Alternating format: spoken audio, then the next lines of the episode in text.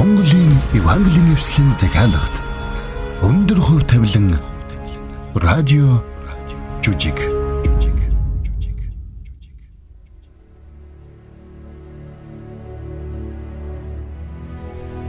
Өндөр хөв тавилан радио жүжигийн шин дугаард тавтай морилно.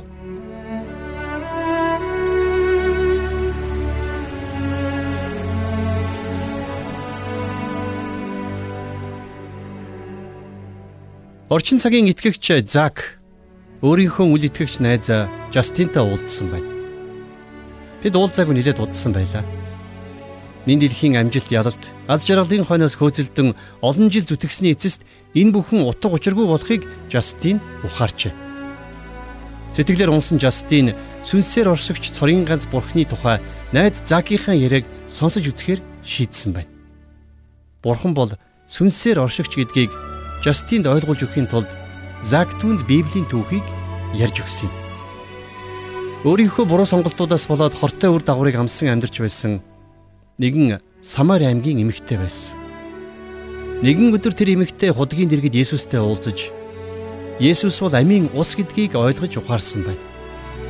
Тэр эмэгтэй худгаас хутхан авах ус хүний биеийн цангааг төрхөн зуур тайлах боломжтойч хэсэг хугацааны дараа хүн дахиад л цангадаг. Харин Бурхны сүнснээс ирэх тэрхүү амийн ус хүний сүнслэг цангааг мөнхөд тайлдгаа гэдгийг Есүсээс сурч авсан юм.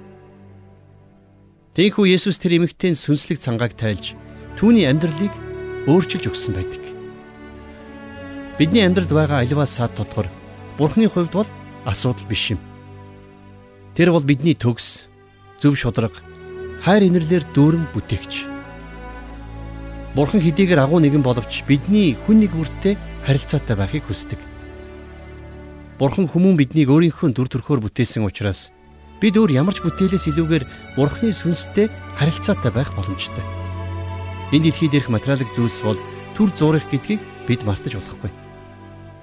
Хэрвээ бид Бурханы сүнсийг бэлэг болгон хүлээж авах юм бол бид Бурхантай мөнхөд харилцаатай байж энэ амьдралдаач хожим ирэх мөнхийн улсад ч үргэлж бурхантай хамт байх боломжтой болно. Ингээд хамтдаа өнөөдрийн дугаар болох Бурхан бол сүнс. Тэр бол бидний амийн ус химээх нэртэй шин бүлгийг бүлээн авч сонсцгоё.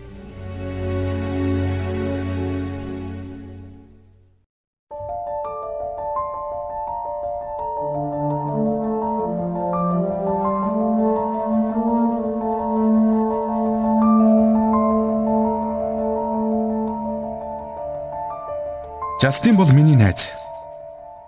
Тэр миний бусад найзуудын л нэгэн адил Бурханыг нэг их тоодгүй хүн. Гэсэн хэдий ч найз маань амьдралын утга учирыг ярьж хайж байгаа нь харахтал илэрхий байдгийн.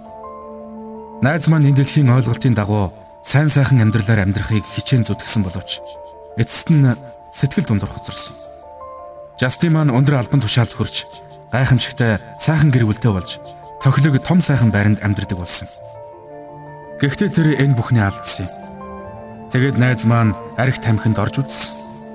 Гэр бүлээс гадуурах бэлгийн харилцаа, ёс бус үйлдэлүүдийг бүгдийг туршиж үзсэн ч энэ бүхэн нэргээд тэрний амьдралыг улам бүр хүнд дарамтанд оруулж байлаа. Тэрээр муу зуршлуудаасаа салахын тулд хэд хэдэн удаагийн имчилгээнд явж байсан ч тэр бүхэн нь үр дүнгүй болсон юм. Найз маань хэсэг яваад л хуучин замрууга эргээд халтарчихдаг байсан юм. Тэр янз бүрийн худал хуурмаг шашнуулыг шүтэж үзсэн ч Энэ нь тэрэнд тус болсонгүй. Ингээд найз маань эцэстээ надаас миний итгэл үнэмшлийн талаар миний итгэж үнэмшиж байгаа зүйлс тэрний амьдралд байсан тэр бүх зүйлсээс юугаараа ялгаатай болохыг надаас сонирхон асуух болсон юм.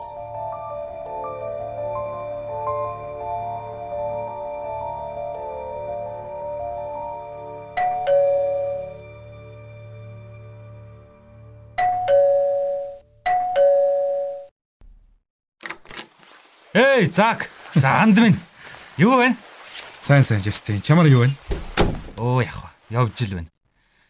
Болж бүтэхгүй байлаа гэд ямар таарсан болгондоо яриад явал тань биш үү? Тэ? Хэрвээ ярьж хэлэх зүйл байвал Жестин найздаа ярил та. Би сонсъё. Юу вэ? Яг чамд зав байгаа болч болно л. Санаа зовтгүй дээ. Найздаа цаг гаргалгүй яах вэ? Юу бодол санаж яваагаа найздаа ярил та. За тэгвэл нэг иймэрхүү юм болоод байна. Миний амьдрал нэг л утгагүй болчихлоо. Би өглөөс эрэхтэл ямар нэг юмнаас жигтэйхэ айчихсан босч ирэх юм. Гэхдээ тэгсэн хэрнээ юунаас айгаад байгаагаа өрөөж мэдэхгүй. Би ажил дээр очиход хүн бүрэл намайг ямар нэгэн бүдлгүй зүйл тарих байх гэсэн шиг харах юм. Сүүлдээ тэдний зөвч юм шиг санагтаад. Зэ. Хүүхдүүдтэйгээ уулзалгүй хэдэн сар боллоо. Би хүүхдүүдийнхээ өмнө ичвтер зүйл хийсэн болохоор тэднийх нь үрийг харахаас ч санаа зовх.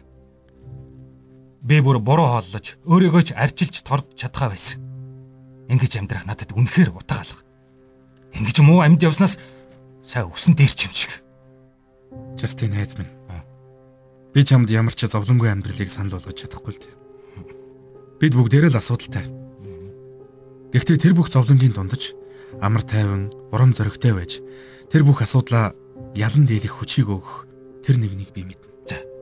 Есүс Христийг аврагчаа болгож хүлээж авснаас хойш миний итгэлийг хязээж алдахгүй найзтай болсон. Би буруу хэрэг хийх үед үр дагаврыг хүрддэг. Гэхдээ нөгөө талаас Бурхан намайг өөчлсөн гэдгийг би мэддэг. Яагад вэ гэвэл гэм нүглээ гэмшиж Бурхан руу эргэсэн хүн бүрийг Бурхан юм. За үннийг хэлэхэд би наадах чинь сайн ойлгохгүй цаг. Би янз бүрийн шашин шүтэж үзсэн. Аль нь ч ямар ч нэмэр болоогүй. Шашиндаа байгаа юм шээ Жастин. Энэ бол шашин биш. Энэ бол харилцаа. Ихэнх шашин бидний өөрсдийн зүгээс хүчин чармаалтыг шаарддаг. Энэ тохиолдолд чиний хэлсэнчлэн бид үр дүнд хүрч чаддгүй. Бид өөрсдийнхөө хүчээр хангалттай сайн байж чаддгүй шүү дээ.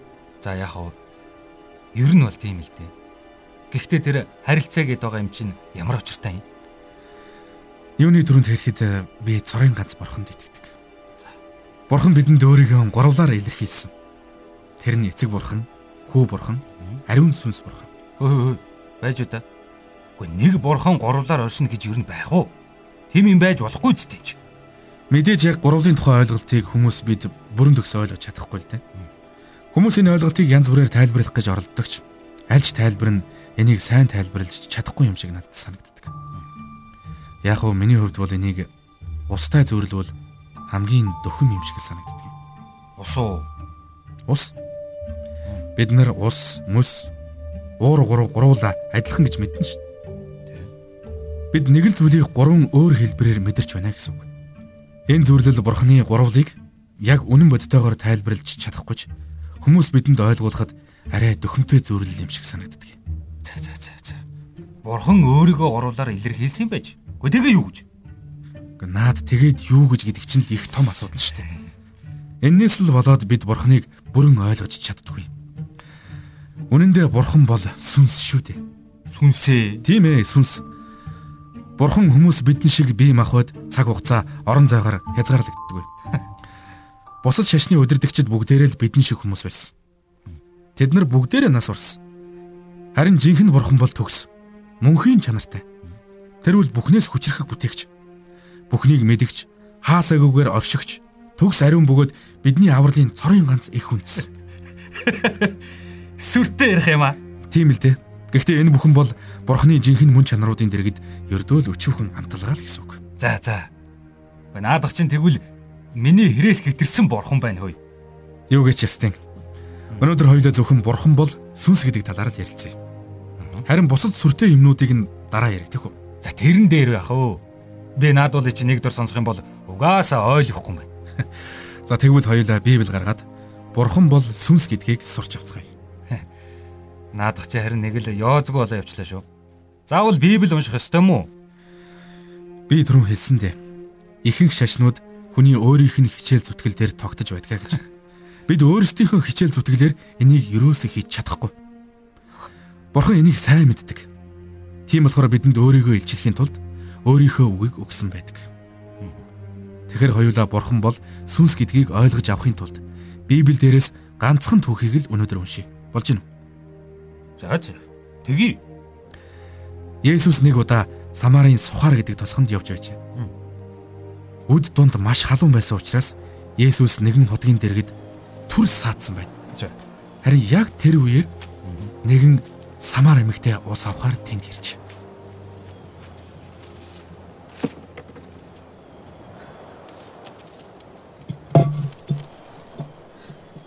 Надад уух юм өгөөч. Та Иудэ хүн байж Самар эмэгтэй надаас яагаад уух юмгүй вэ? Иудэчүүд та нар Самарчууд бидэнтэй харьцдаггүй эцтэй. Тэгээд ч танихгүй эмэгтэйтэй ингэж ярилцах нь зохистой хэрэг мөн гэж үү? Хэрв чи бурхны бэлгийг болон надад уух юм өгөөч гэж байгаа нь хэн болохыг мэдсэнсэн бол чи түүнээс гуйхад тэр чамд амийн усыг өгөх байсан да. Эзэн энэ худаг гүн танд утгах юм юу ч алга. Гэтэл та амийн усыг хаанаас авах юм? Энэ худгийг бидэнд өгсөн Яаков өгөөс маань та агуу гэж үү? Тэр өөрөө түүний хөвгүүд мал сүргэнж эндээс л ундаалсан шүү дээ. Энэ уснаас уух хүн бүр дахин цангана. Харин миний өгөх уснаас уух хинж хизээж цангахгүй.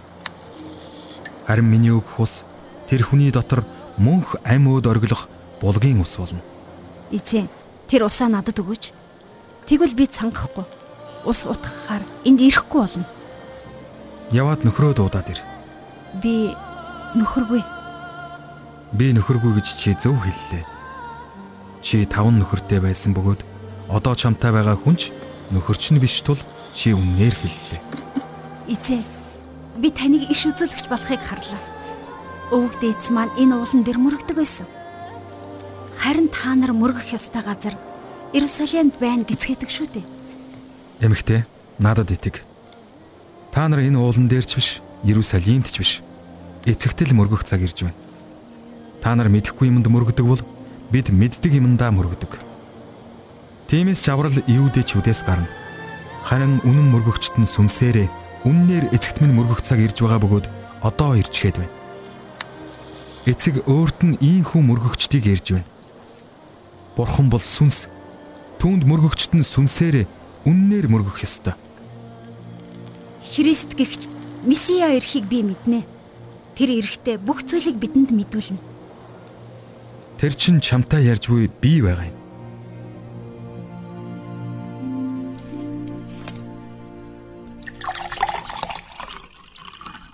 За одоо тэгэд усныхаа тухай ярих уу да? Яг зөв ястыг. Усны тухай ярилцъя. Би саяхан уншсан хэсгийг сайн ойлгоогүй чи тэр эмэгтэй ер нь над шиг бүтлгүй нөхөр болт. Гэхдээ Есүс тэр хүнтэй жирийн хүнтэй ярилцаж байгаа юм шиг ярилцсан нь надад үнэхээр таалагдсан. Хүмүүс биднээс ялгаатай нь Бурхан хүн нэг үрийг адилхан хайрлаж хүн бүрт өөртөө нь харилцах боломжийг адилхан өгдөг. Тийм учраас л Есүс тэр эмэгтэйтэй тэгж харьцсан. Уг нь тухайн үед Юудэ хүн Самар хүнтэй харьцдаггүй. Эрэгтэй хүн эмэгтэй хүнийг хүн гэж үздэггүй байсан үе шүү дээ. Гэтэл Есүс тэр самар эмэгтэйтэй ярилцсан. Тэрний өнгөрсөн амьдралаа тэрний бүтлгүй олхиогүй амьдралыг мэдж байсан ч огтхон ч ад үзээгүй. Өдрийн хамгийн халуун үе буюу өд дунд ходог дээр ирнэ гэдэг. Тэр эмэгтэй босод эмэгтэйчүүдтэй таарахыг хүсээгүйтэй нь холбоотой байж болох юм. Магадгүй. Гэтэл тэр эмэгтэйгээс бүх талаараа хавьгүй илүү хүн тэнд таарлцсан хэрнээ тэрнтэй дотомчлон ярилцсан.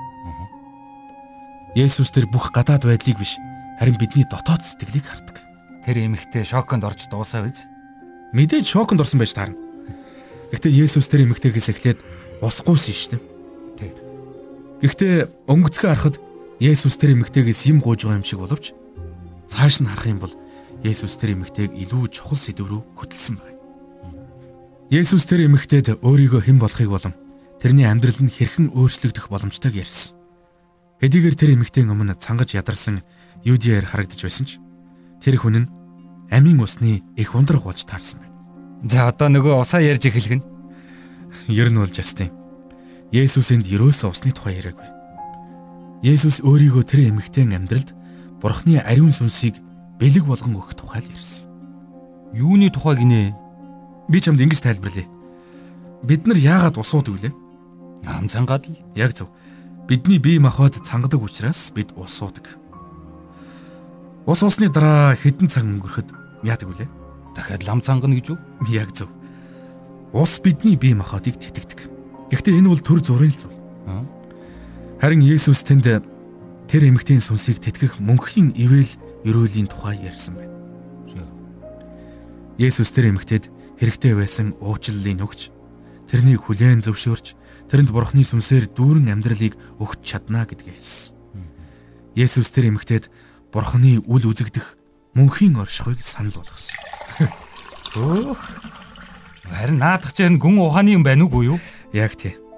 Гэсэн ч тэр эмэгтэй Есүсийг бодит усны тухай яриад байна л гэж бодож байсан. Ходог их гүнзгий. Ус хотгох юу ч гоо байхад яаж ус авсан бэ гэж тэр эмэгтэй асуусныг чи хэлээд байна уу? Яг наадах чинь. Есүс амийн усны тухай ярьж эхлэх үед тэр эмэгтэй ингэж хэлсэн шүү дээ. Би нэрээ нэг зүйлийг саналаа. Жасти. Хэрвээ ус огт урсгалгүй бол яах вэ? Тогтон гусал болох байлгүй. Тэгвэл Есүс яагаад өөрийнхөө бэлгийг зүгээр ус биш харин амийн ус гэж нэрлсэн юм болов? Тогтонго биш болохоор нь тэгж хэлсэн юм болов? Би бас тэгж бодож байна. Бурхны сүнс бидний амьдралд орж ирэх үедээ тэр хөдөлж эхэлдэг. Бидний амьдрал тогтонг байхаа болоод илүү сайн сайхнаар өөрчлөгдөж эхэлдэг. Бурхан биднийг гайхамшигтайгаар шинчилдэг. Энэ хөдөлгөөн хизээж зогсохгүй. Тэр эмэгтэй Иесусээс тэр усыг авч уух юм бол хизээч цанхахгүй болно гэж хэлэх үед нь Иесусыг яг юун тухай ярьж байгааг нь ойлгож байсан юм болоо дөө. Яг тэр үед бол арай ойлгоогүй байсан баха. Харин өөрийнх нь ар гэрийн амьдралын тухай Есүсийг ярих үед тэр эмэгтэй Есүсийг жирийн хүн бишээ гэдгийг ойлгосон байх. Магадгүй энэ яриа тэр эмэгтэйд таалагдаагүй болохоор ярианы сэдвийг хурдан өөрчилсөн ч байж болох юм. Тэр эмэгтэй гинтхэн ярианыхаа сэдвийг өөрчлөөд мөргөлийн газрын тухай самарчууд болон юудэчүүдийн зөрүүтэй ойлголтын тухай яриад явчихсан шүү дээ.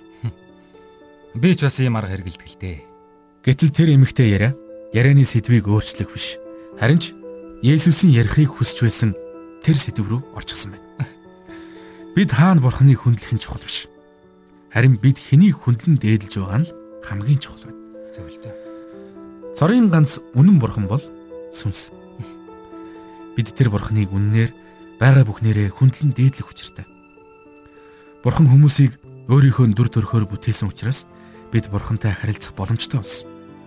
Бид нар бол зүгээр нэг мах цуснаас бүрдсэн бүтээлүүд биш.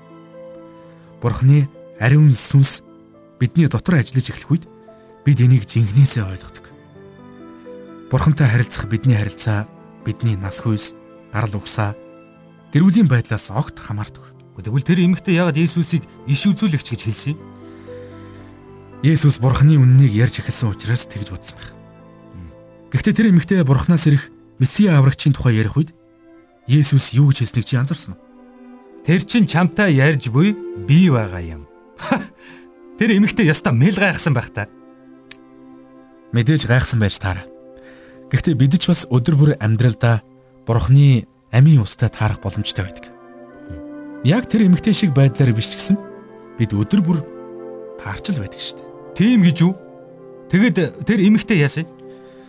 Тэр эмэгтэй Есүстэй уулзаа зогсоогүй. Тэр эмэгтэй баярлсандаа домбоо орхиод буцаадгүйсэн. Тэр эмэгтэй таарсан бүхэндээ Есүсийн тухай ярьсан. Тэр эмэгтэй бусдын бодол санаанаас болж айж ичхэн болоод харин тэдэнд аврагч ирсэн гэдгийг тунхаглан зарлахыг хүссэн.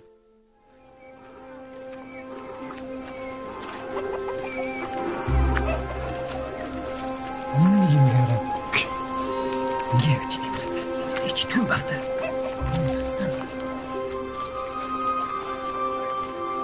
Ой, Ботини, чи энд юу хийж байгаа юм бэ? Солиороо юу? Тата чи намайг сая хинтээ уулзсан гэж бодож байна. Чи лав итгэхгүй дээ. Чиний хинтээ уулзах надад ёор падгүй. Чи ингэ солиотой юм шиг явхаа бол чи бидний шиг бурхнаас эмээгч хүмүүсээс холдож өөрийнхөө байх ёстой газар руу явбал яасан? Миний хэлхийг сонсол та татай. Хүмүүсээ бүгдээрээ намайг сонсоорой. Үлдсэн бүх нийгмийн надад хэлсэн хүнийг ирж үзэхтэн. Тэр хүн Христ биш үү? Христ гинэ? Христ гинэ. Хаггүй. Та нар намайг юу гэж боддгийг би мэднэ. Хэрвээ миний уулцсан хүн миний амьдралыг өөрчлөөгөө бол би та нарын дунд ингэж явахгүй байх байсан юм. Та нар тэр хүнтэй өөрсдөө уулзаад хар. Алив алив намайг дагаад явцгаа.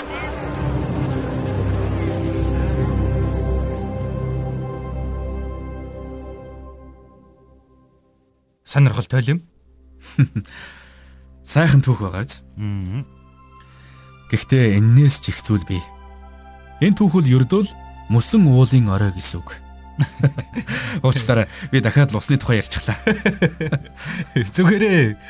Би ч чамтай анх уулзах үедээ ууралж бохимдсандаа толгооноос уур савсуулчихсан л явж байсан хүн. Гэхдээ нэрээ тоглоомгүй. Бурхны сүнс хүн бүрд нээлттэй шүү жистий. Чамд ч гэсэн. Библиэлд бидэнд хэлэхдээ бидний дотор тэр байгааг түүний бидэнд өгсөн сүнсээр бид мэддэг. Бас Есүс Христ махбодоор ирснийг хүлээн зөвшөөрөгч сүнс бүр бурхнаас гэсэн байдаг. Чиний сая ярьсан зүйлээс бодох зүйл бас их вэ шүү. Заг. Ашгүй дээ. Тэгвэл хоёлаа дараа 7 хоногт цаг болцоод дахиад ярилцуул яасан бэ? Аа? Хоёлаа уулзаад нөгөө сүртэй юмнуудаа ярьж болох юм. Бас цорын ганц үнэн бурхныг яаж таньж мэдж болохыг би чамд ярьж өгье. Ер нь болохгүй юм байхгүй шүү дээ. Хоёлаа цаг тохироод уулзъя. За, баярлалаа цаг. За, түр баяртай. За, баяртай.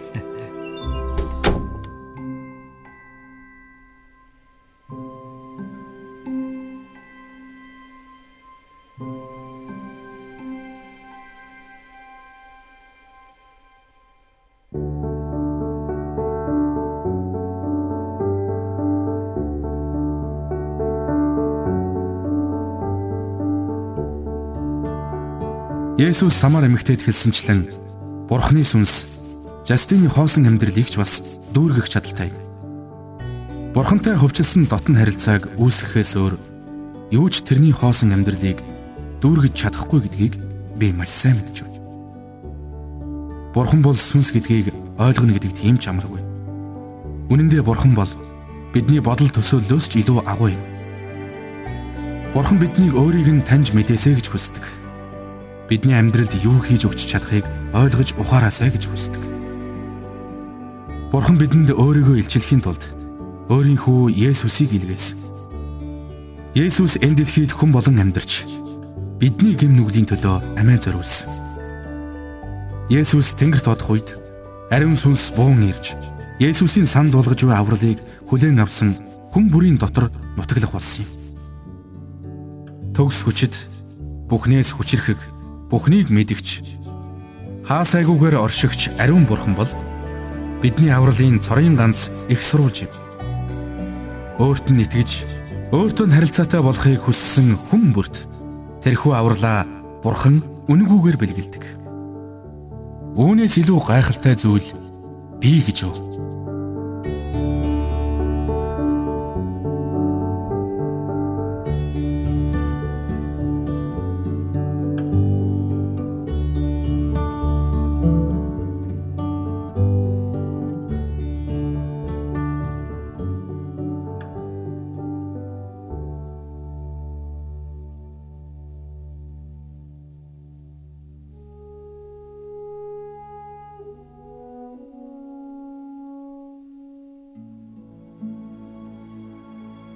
Хүмүүс бидэнд өөр өөрсдийн гэсэн зовлон бэрхшээл хоосон орон зай байдаг. Тэр хоосон орон зайг Бурхны сүнсэл дүүргэж чадна. Бурхны сүнс бидний амьдралд орж ирэх үед бид тэр сүнсийг нүдэрээ харж чаддаггүй. Гэхдээ бид тэр сүнсний үр жимсийг харж чаддаг. Бурхан тэр сүнсээр дамжуулан бидний амьдралыг өөрчилдөг юм. Бурхан бидэнд найдвар, баяр хөөр, хайрыг өгдөг. Ингэж бид ямар ч нөхцөл байдал донд Энэ бүх үр жимсүүдийг харуулan амьдрч чаддаг. Бурхан биднийг удирддаг юм. Тэр бидэнд хүчийг өгөх үед бид түүний тухай бусдад гэрчилдэг. Энэ дэлхий дээр амьдрах бүхий л хугацаанд бид асуудал бэрхшээлтэй байх болно. Харин бид Бурханы сүнсийг бэлэг болгон хүлээж авах юм бол Бурхан бидэнтэй хамт алхаж биднийг ямар ч зовлон бэрхшээлийн дунд хөтлөн дагуулах болно. Бурхан хизээч биднийг орхихгүй. Бурхан хизээч бидний итгэлийг алдахгүй. Бурхан бол амийн ус учраас түүний сүнсийг хүлээж авсан хүн дахиж хизээж цангахгүй. Та өнөөдөр ч гэсэн Бурханы хайрыг мэдрэх боломжтой. Бурхан бол хүч чадалтай Бурхан. Тэр бол орчлон ертөнцийг оршин байгаа бүхэнтэй бүтээсэн бүтээгч Бурхан. Тэр бүхнийг мэддэг. Бид өөрөө өөрсдийгөө мэддгээс ч илүүгээр Бурхан та биднийг сайн мэднэ. Бурхан хаасайгүй зэрэг оршин байдаг. Бид нар Бурхны оршихугаас хаашаач зүхтэн зайлах аргагүй. Нөгөө талаасаа Бурхан бол хайр инрэл. Өршөөл нэгүслэр дүүрэн Бурхан. Тэр өөрийн хайр инэрлийг бидний амьдралд маш олон арга замаар илэрхийлж байдаг. Бурхан та биднийг бүтээсэн. Тэм учраас бид Бурханы хувьд маш онцгой хүмүүс. Бурхан та биднийг мөнхийн хайраараа хайрлсан. Тэгвэл өдөр болгон бидэнд хайр инэрлээ үзүүлж байдаг тэр Бурхантай бид хэрхэн харилцах вэ? Есүс хэлэхдээ бидний Бурхан эзэн бол ганц эзэн мөн. Чи өөрийн Бурхан эзнээ бүх зүрх, бүх сэтгэл, бүх оюун ухаан, бүх хүч чадлаараа хайрл гэж хэлсэн. Тэр цорын ганц эзэн бурхны хайрыг та хүлээж авахгүй гэж юу? Би яг одоо бурхны өмнө чин сэтгэлээсээ залбирах гэж байна. Та эхлээд миний залбирахыг сонсоорой. Тэгээд дараа надтай хамт залбираарай. Бурхан минь ээ. Та бол бүхий л хүч чадлыг эзэмшигч агуу бурхан учраас танд талархъя. Та бол хайр, өршөөл, инэрлийн бурхан. Та намайг бүтээж, намайг онцгой гэж тооцсон учраас танд талархаж байна. Намайг хайрлсан таны агуу хайранд талархаж байна. Есүсийн нэрээр. Амен. За одоо энэхүү залбирлыг миний ардаас давтаад хэлээрэй. Та ингэ залбирахдаа өөрийнхөө чин зүрхнээсээ бурханд хандаж хэлээрэй. Бурхан минь ээ Та бол бүхий л хүч чадлыг эзэмшигч агуу бурхан учраас танд талархъя. Та бол хайр, өршөөл, инэрлийн бурхан. Та намайг бүтээж, намайг онцгой гэж тооцсон учраас танд талархаж байна. Намайг хайрлсан таны агуу хайранд талархаж байна. Есүсийн нэрээр. Амен. Энэхүү залбирлыг хамтдаа хийсэн танд баярлалаа. Бид дараагийн дугаараар Бурхан болон биднийг хайрлсан Бурханы хайрын талаар илүү ихийг сурж мэдэх болно.